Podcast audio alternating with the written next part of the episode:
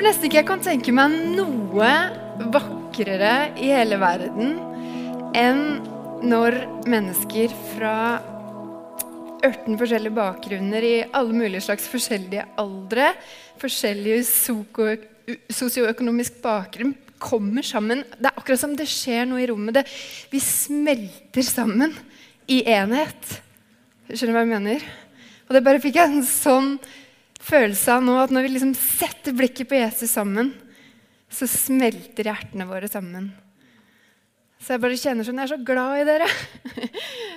Åh, det er så godt å kunne være sammen med dere og feste blikket på Jesus sammen med dere. Jeg heter Silje. Jeg er med i lederskapet i den kirka her. Eh, og du er nå kommet til Imkirken-kollektivet. Eh, og vi holder på med en taleserie. Det var da voldsomt så bratt denne her var. Ja, der, ja. Vi holder på med en taleserie. Du har kanskje fått en sånn, eh, har du fått en sånn lapp på stolen. Veldig bra. Det er lov å vifte. Har du en penn også, så er det enda bedre. Da får du poeng i boka av Lars. Vi kjører jo litt sånn grovbrød disse ukene her. Vi, for å si det rett ut vi kjører grovbrød. Er dere klar for litt grovbrød? Yes! Jeg kommer aldri til å glemme. En gang i tiden så gikk jeg på DTS, eller på bibelskole. Og ja, det er det flere som har gjort. Og en av de siste kveldene så var det sånn at lederen min han satte seg ned sammen med meg og noen av disse andre som jeg gikk på bibelskole sammen med. Og Vi skjønte jo at ok, nå var det på slutten av året, nå skulle han si noe viktig. Det var litt sånn famous last words-følelsen, ikke sant? Eh, og det var alvor i lufta, det var noe stearinlys som blafra, og jeg skjønte ok, nå kommer det noe dypt. Og det kom noe dypt. Eh, men Det høres kanskje ikke så dypt ut når jeg sier det, men det var et munnhell. Og du har sikkert hørt det før. Visste du at frosken Hvis du skal koke en frosk, så må du ikke slippe den oppi kokende vann, ikke sant? For da hopper den bare ut da. Mm -hmm. Men hvis du skal koke en frosk Og ja, dette fortalte lederen vår oss på siste kvelden på dette S. Hvis du skal koke en frosk, så må du legge den opp i vannet når det er kaldt. Og så må du sette på varmen, og så må du sakte, men sikkert skru opp temperaturen. Sånn at han plutselig bare ikke skjønner hva som skjer, og så er han død. Ok, Det var siste kveld på DTS. Eh, dere vi er i talersjelen vår vilt og hemningsløst inspirert av en kar som heter John Mark Homer, som er en bibellærer fra USA. Og det vi gjør i denne taleserien, er at vi prøver så godt vi kan å sette ord på noe som jeg tror kanskje vi alle enten ubevisst eller bevisst føler på. I hvert fall så føler jeg på det i perioder, og ofte ganske i stor grad. Og det er at det å være trofast, hvis du skal være helt ærlig, være trofast til å følge Jesus i Oslo i 2022, det er ganske krevende. Det er ikke sånn at det å følge Jesus, å være trofast mot han, er det samme som å liksom gå en sånn deilig spasertur på stranda og kjenne at vinden bare mildt stryker deg i ansiktet, og du kiler litt under føttene, for du kjenner liksom sanden liksom bare, åh, Alt er så deilig og så flott, og du har medvind, og sola skinner osv. Nei. Jeg tror flere av oss faktisk kjenner det litt sånn at det kan faktisk være ganske fullt av spenning, det å følge Jesus. Er det flere? Ja. Det er nesten sånn at vi kjenner på en sånn at vi blir åndelig og emosjonelt slitne. Eh, det er nesten som at vi står i en sånn dragkamp, og vi blir dratt til den ene og den andre siden. Anyone?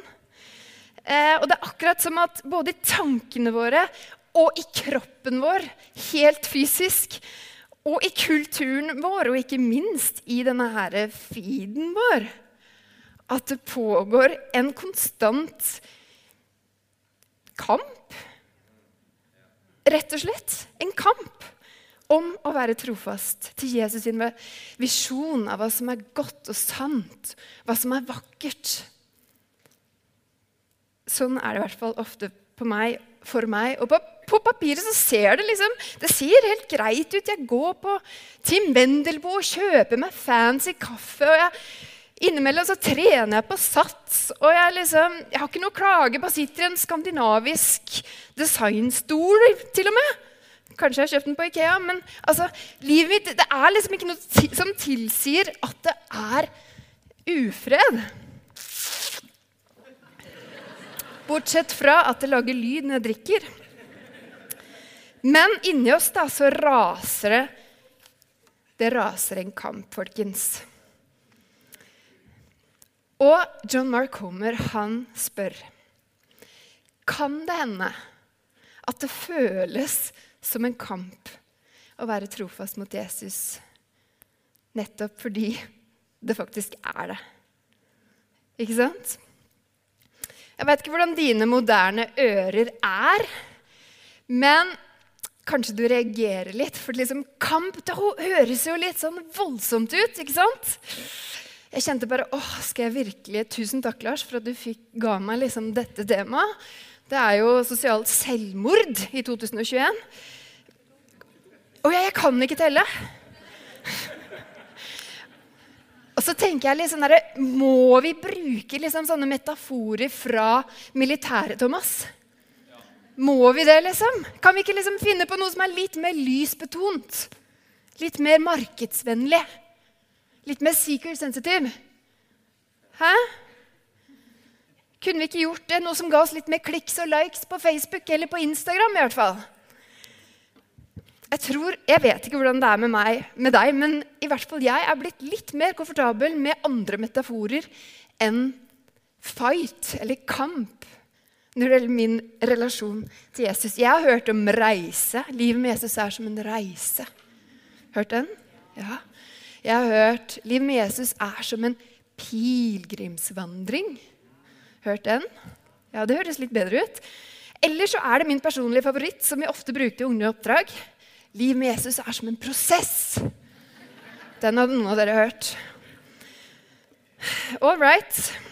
Men dere, mine moderne venner i 2021 Nei, 22. Hæ? Nå tøysa jeg. Selv om det kanskje er noen andre metaforer vi foretrekker for å beskrive vandringen vår med Jesus, så er det sånn at de første kristne, og til og med Paulus, kirkefedrene, kirkemødrene, de brukte denne metaforen med kamp.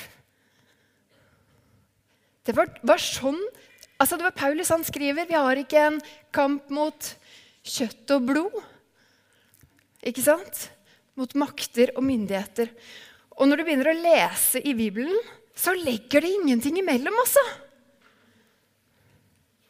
Og de er faktisk skikkelig lite sjenerte, for å bruke ordet kamp. Og de er ublyge når de sier at vi har en kamp mot djevelen, vi har en kamp mot kjøttet, eller begjæret vårt, og vi har en kamp mot kulturen som vi lever i. Og det er en krig som pågår hele tida. Sorry, der kommer det ordet igjen. Krig. Det er en krig som pågår mellom sannhet og løgn, sånn som Lars snakket om forrige uke. Det er en krig som pågår mellom Jesus sin vei og verden sin vei. Og en krig mellom ånden, Guds ånd, og vårt begjær. Intet mindre, altså. Går det bra med dere?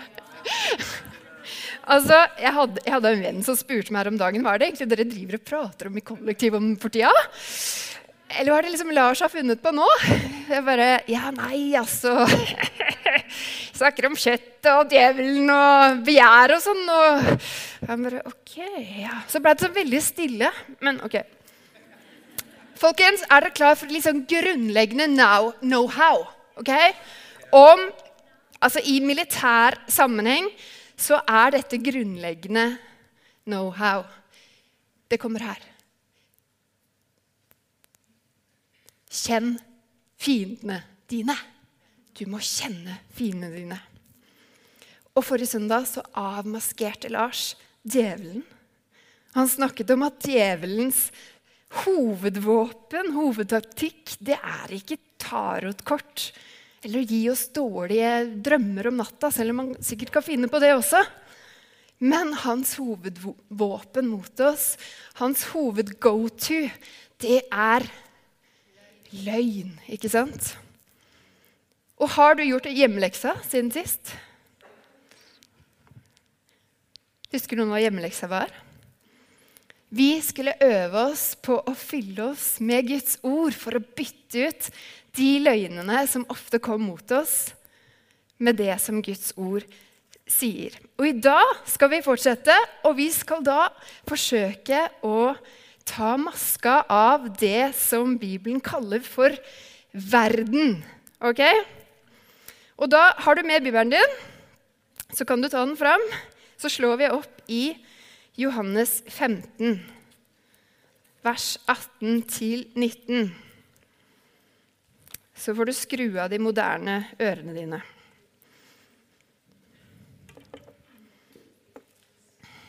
Og da er vi på vers 18. Om verden hater dere, skal dere vite at den har hatet meg først. Hadde dere vært av verden, hadde verden elsket sitt eget. Men dere er ikke av verden. Jeg har jo utvalgt dere fra verden, og derfor hater verden dere. Jeg vet ikke hvordan det er med deg, men jeg måtte aldri pugge det, det bibelverset når jeg gikk på søndagsskolen. Jeg måtte pugge litt, litt, litt foran der, i vers, kapittel 15. altså det der 'bli meg, så blir jeg i dere', osv. Men det der med at når verden hater dere, skal dere vite at den har hatet meg først. Det måtte jeg aldri pugge. Men Jesus han kaller altså ikke bare verden for en fristelse. Hva hjelper det vel om du vinner hele verden, men skader sjela di.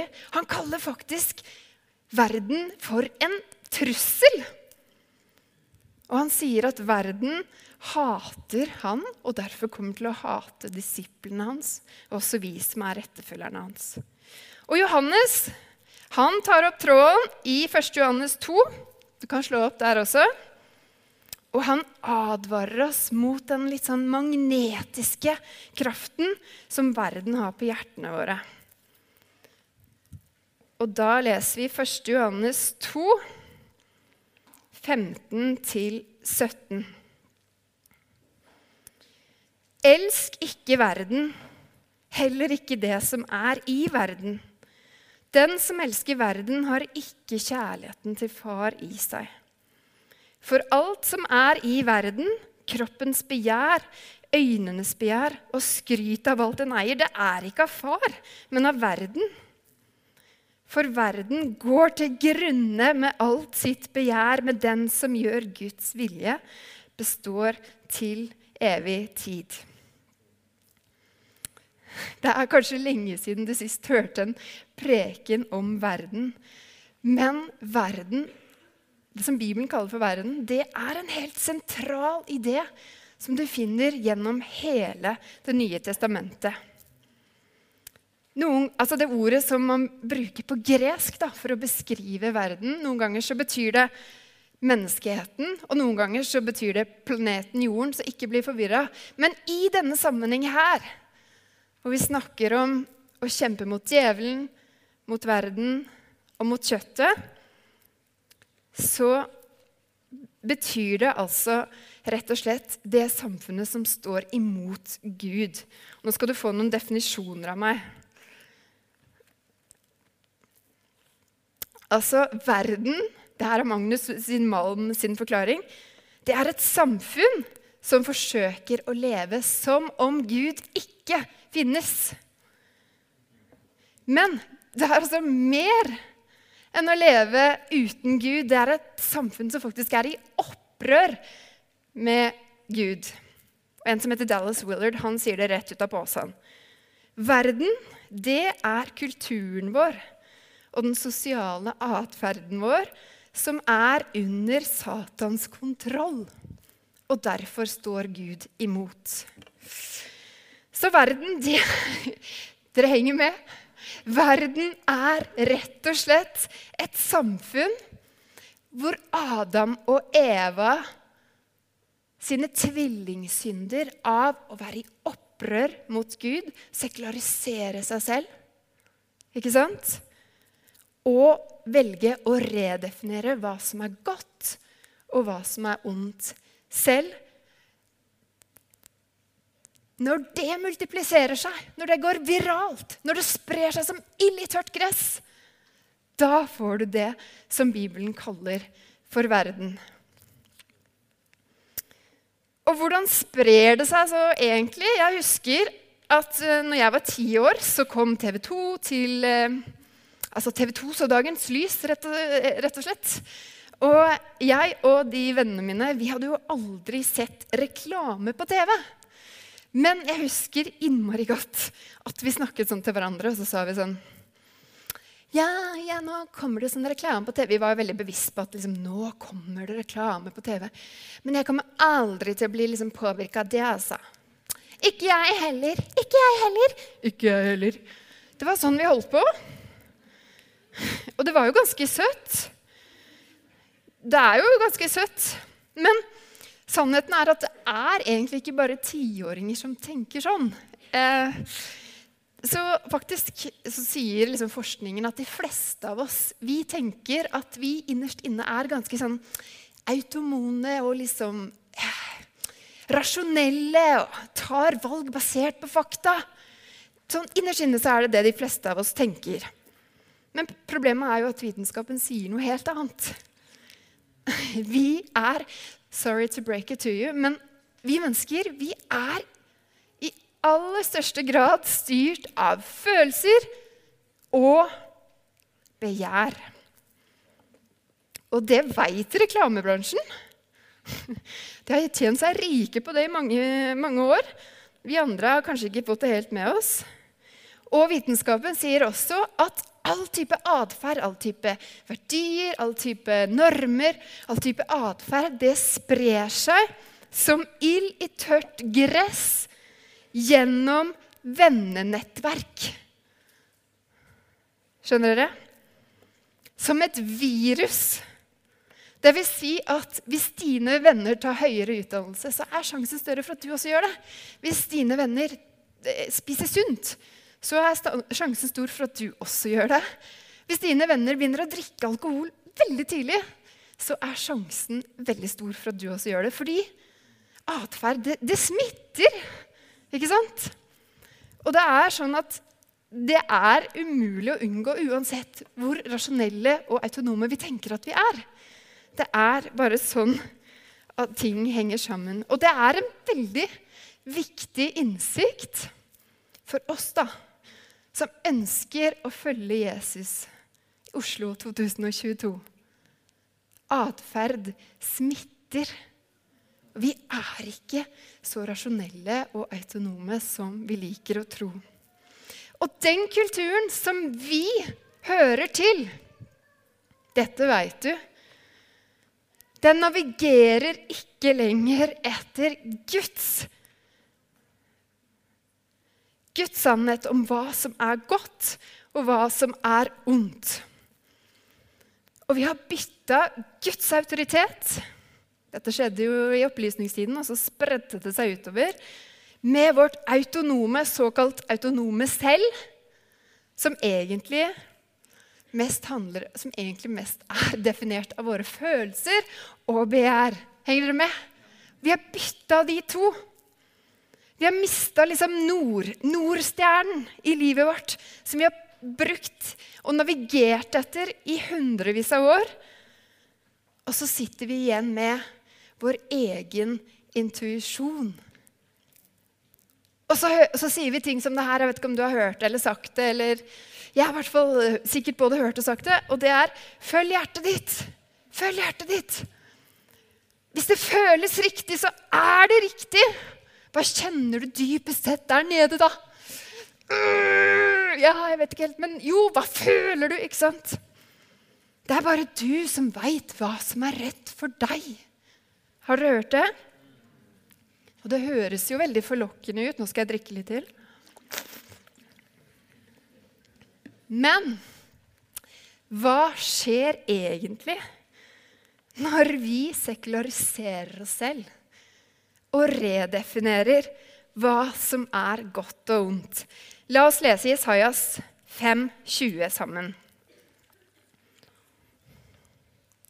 Da kommer det til og med opp på skjermen. Men hvis du, siden dette er sånn grovbrødserie, så må du gjerne slå opp selv.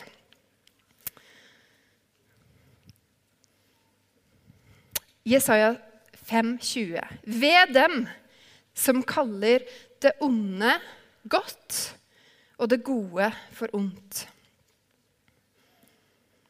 Ved Jeg vet ikke hvordan du tenker at Gud sier dette, for han sier det gjennom profeten sin, men det er akkurat som du kan høre Guds hjerte. At han liksom bare åh, At han gråter over konsekvensene da, som barna hans må oppleve når de kaller det onde for godt. Ved dem som kaller det onde godt, og det gode ondt. For du vet det, at når du og jeg gjør opprør mot Gud, når vi redefinerer hva som er godt og ondt, akkurat som Adam og Eva gjorde der i Edens hage, så redefinerer vi ved å kalle f.eks. porno seksuell myndiggjøring. Lyst kjærlighet. Grådighet sunn selvhevdelse.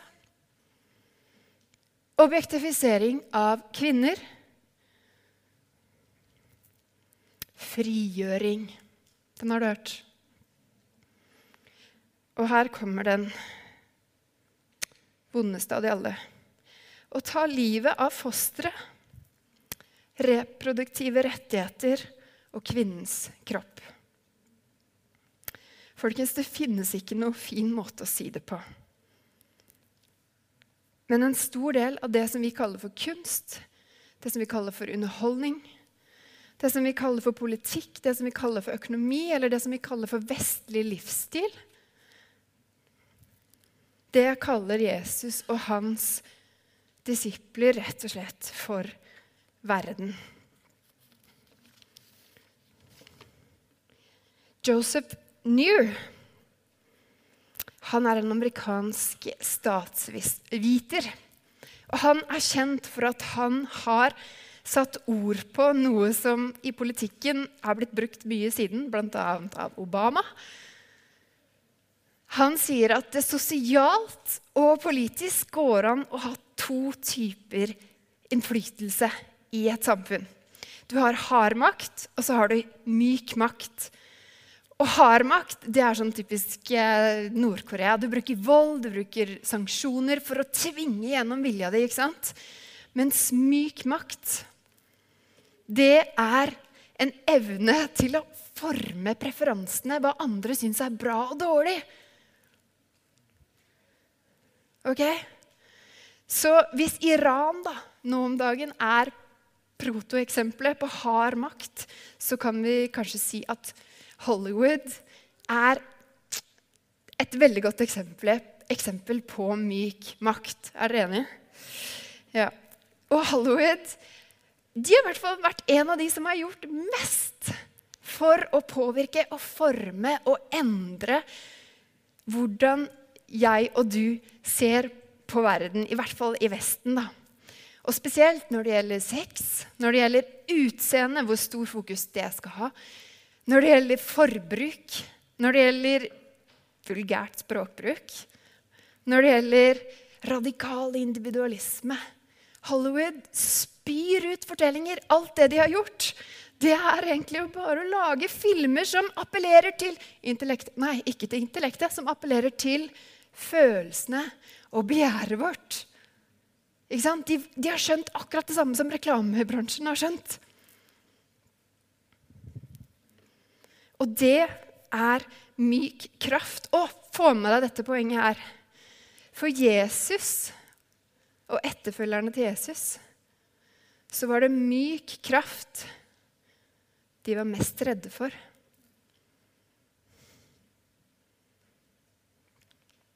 Jeg vet ikke om du husker det med åpne dører. De var her for ca. et halvt års tid siden. Og jeg bare husker de fortalte at enten så blir vi kristne forfulgt, hardmakt, eller så blir vi forført, myk makt. Og den er farlig fordi den er subtil. Den appellerer til kjøttet, den appellerer liksom til de dyriske driftene i oss, som Lars skal snakke om neste uke. Og den kraften er faktisk så forførende at du risikerer å våkne opp en dag og bare Hjelp! Jeg har blitt kolonisert. Jeg har blitt assimilert inn i en helt annen kultur.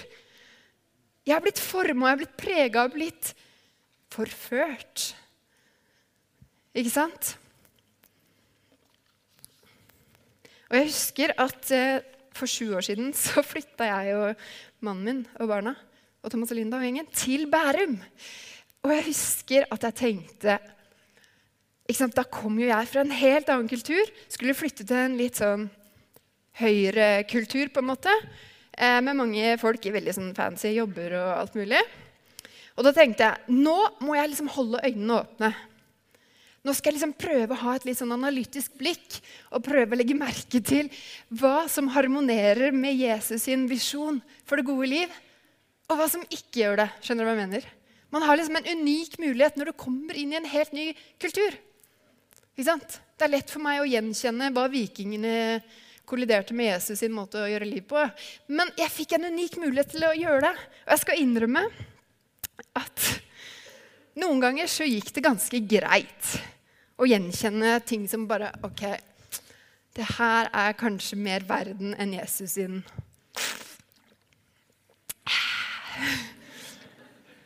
dette er mer verden enn Guds rike, da. Blant annet skal jeg fortelle en historie. Den er noe dere har hørt flere ganger før, men den er så bra. Eh, ok, kanskje ikke så bra, da, men Det var en dame som er eh, forelderen til en kamerat av min eldste sønn, som sa sånn her i fullt alvor en dag. Og jeg hadde jo på meg disse brillene og tenkte ok, mm -hmm, hva, hva her? Så sier hun sånn Ja, du, du jeg syns du burde sende han sønnen din på skolen ett år tidligere. Fordi, Og jeg bare Ok, hvorfor det, liksom? Nei, fordi at eh, han kommer til å få et helt år med mer inntjening. Og pensjonspoeng. Han kommer til å komme i forkant av alle de andre. Kommer til å stå først i køen. Kommer til å tjene mange flere penger. Og jeg bare jeg begynte jo å le. vet du. Jeg klarte jo ikke, jeg trodde jo tøysa. Hun tøysa ikke. Nei da. Det Ja. Da tenkte jeg bare OK, mm -hmm. verden den var ganske grei, på en måte. Ikke sant?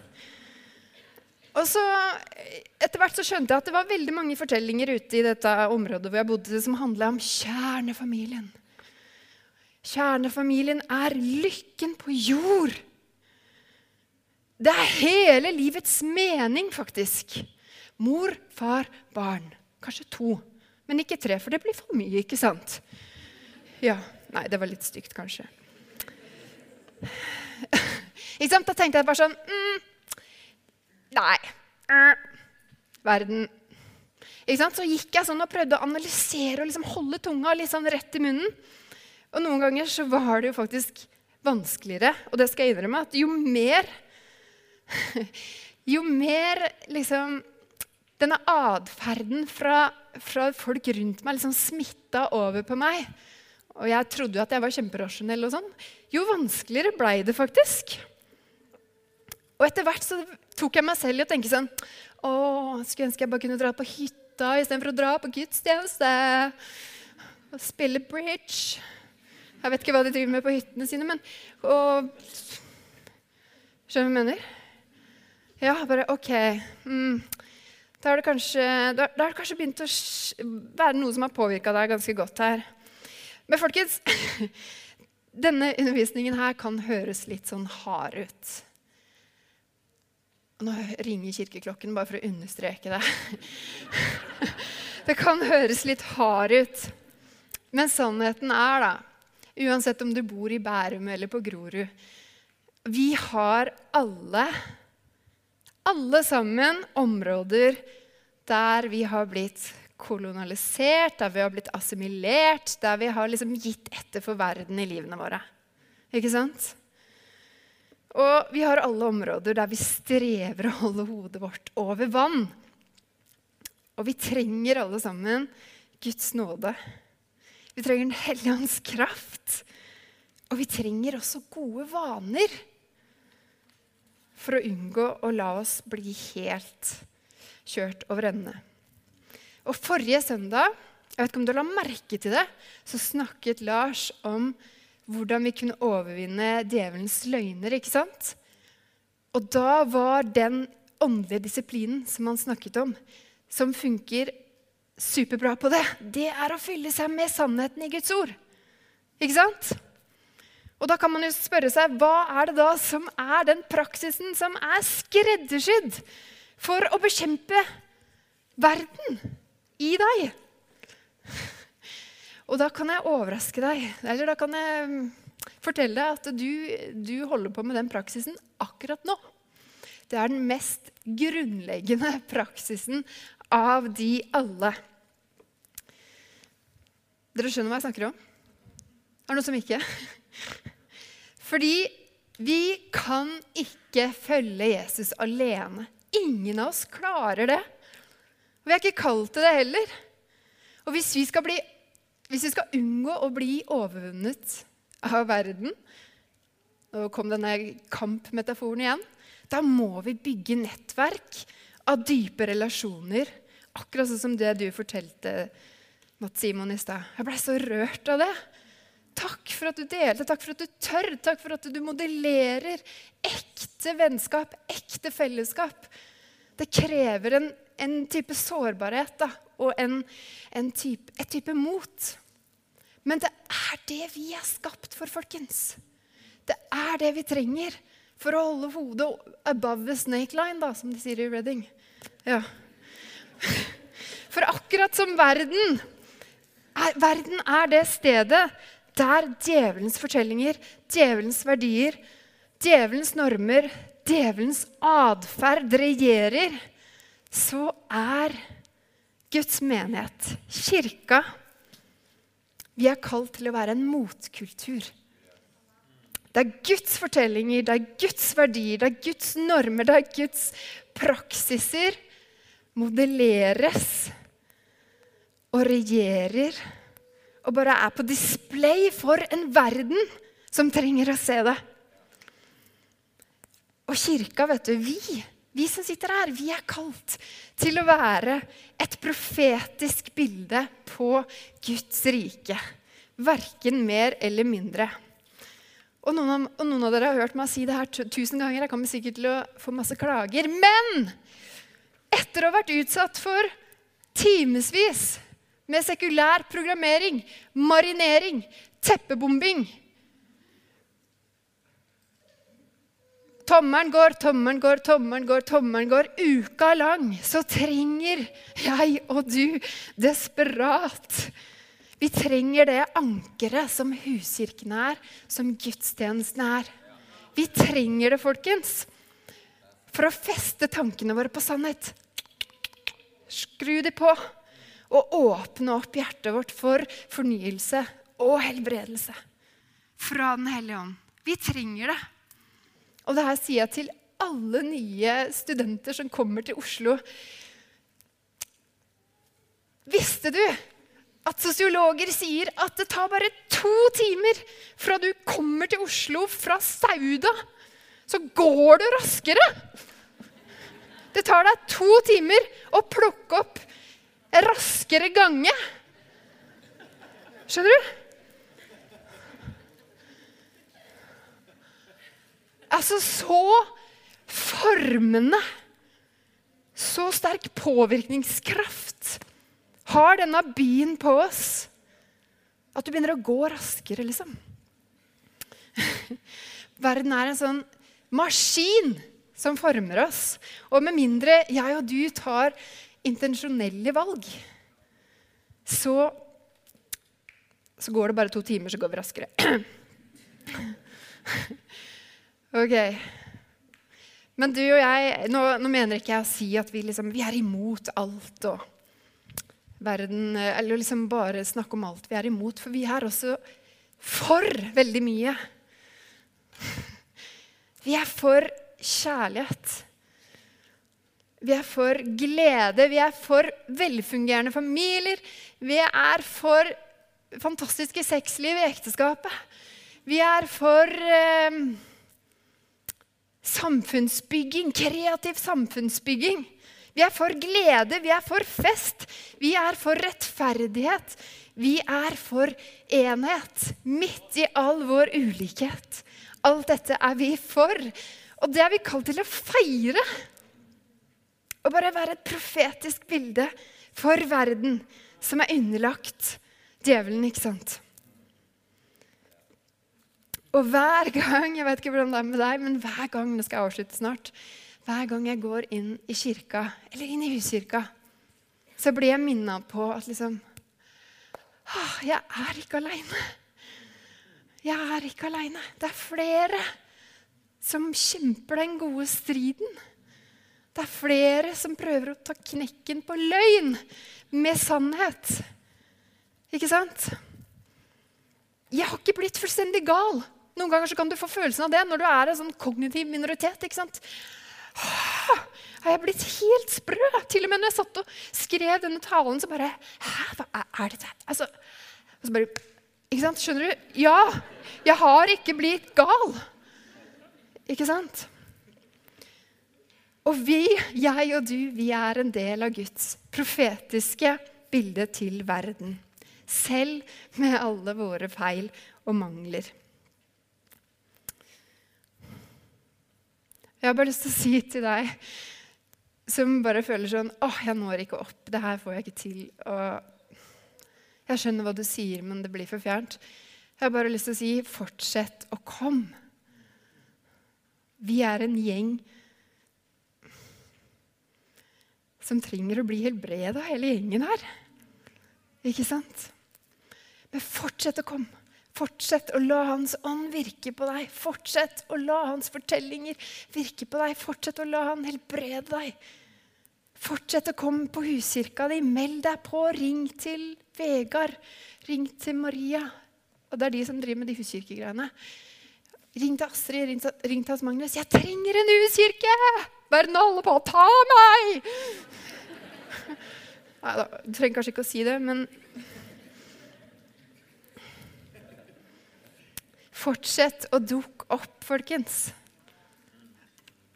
Og vit at du er med på å modellere noe som verden trenger å se. Det var egentlig det jeg ville si. Hvis du kjenner at liksom åh, Jeg trenger Den hellige ånds kraft i livet mitt til å stå imot verden, til å ikke elske verden så har vi en hel gjeng med forbedrere som er klar til å be for deg.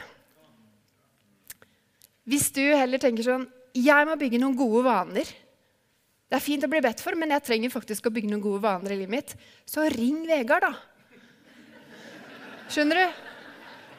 Møt opp. Ikke sant? Fyll deg med sannhet. Bygg gode vaner. Møt opp, liksom. Trenger ikke å være noe mer perfekt enn det. Og hvis du trenger forbønn, så kom fram, for vi tror også på Den hellige ånd gir oss kraft. Men alle de tre tingene trenger å skje samtidig. Sindre og Jenny, takk deg, Jesus, for at du er her, og for at du kaller oss, Jesus, til et hellig liv, Herre Jesus, til å ligne mer på deg, Herre Jesus, til å til å ikke bli så betatt av verden, Herre, men å bli betatt av deg, Jesus og resentrere fokuset vårt på deg, Herre Jesus. Nå ber jeg Hellige om at du kommer akkurat nå, så viser du oss, Herre, om det er noen vaner vi skal ta tak i, Herre Jesus. Om det er noen som eh, trenger å bare overgi seg til din menighet igjen, Jesus, så ber jeg om at du bare kaller på dem akkurat nå. Mm. Takk, Jesus, for at vi får lov til å være med på det du gjør.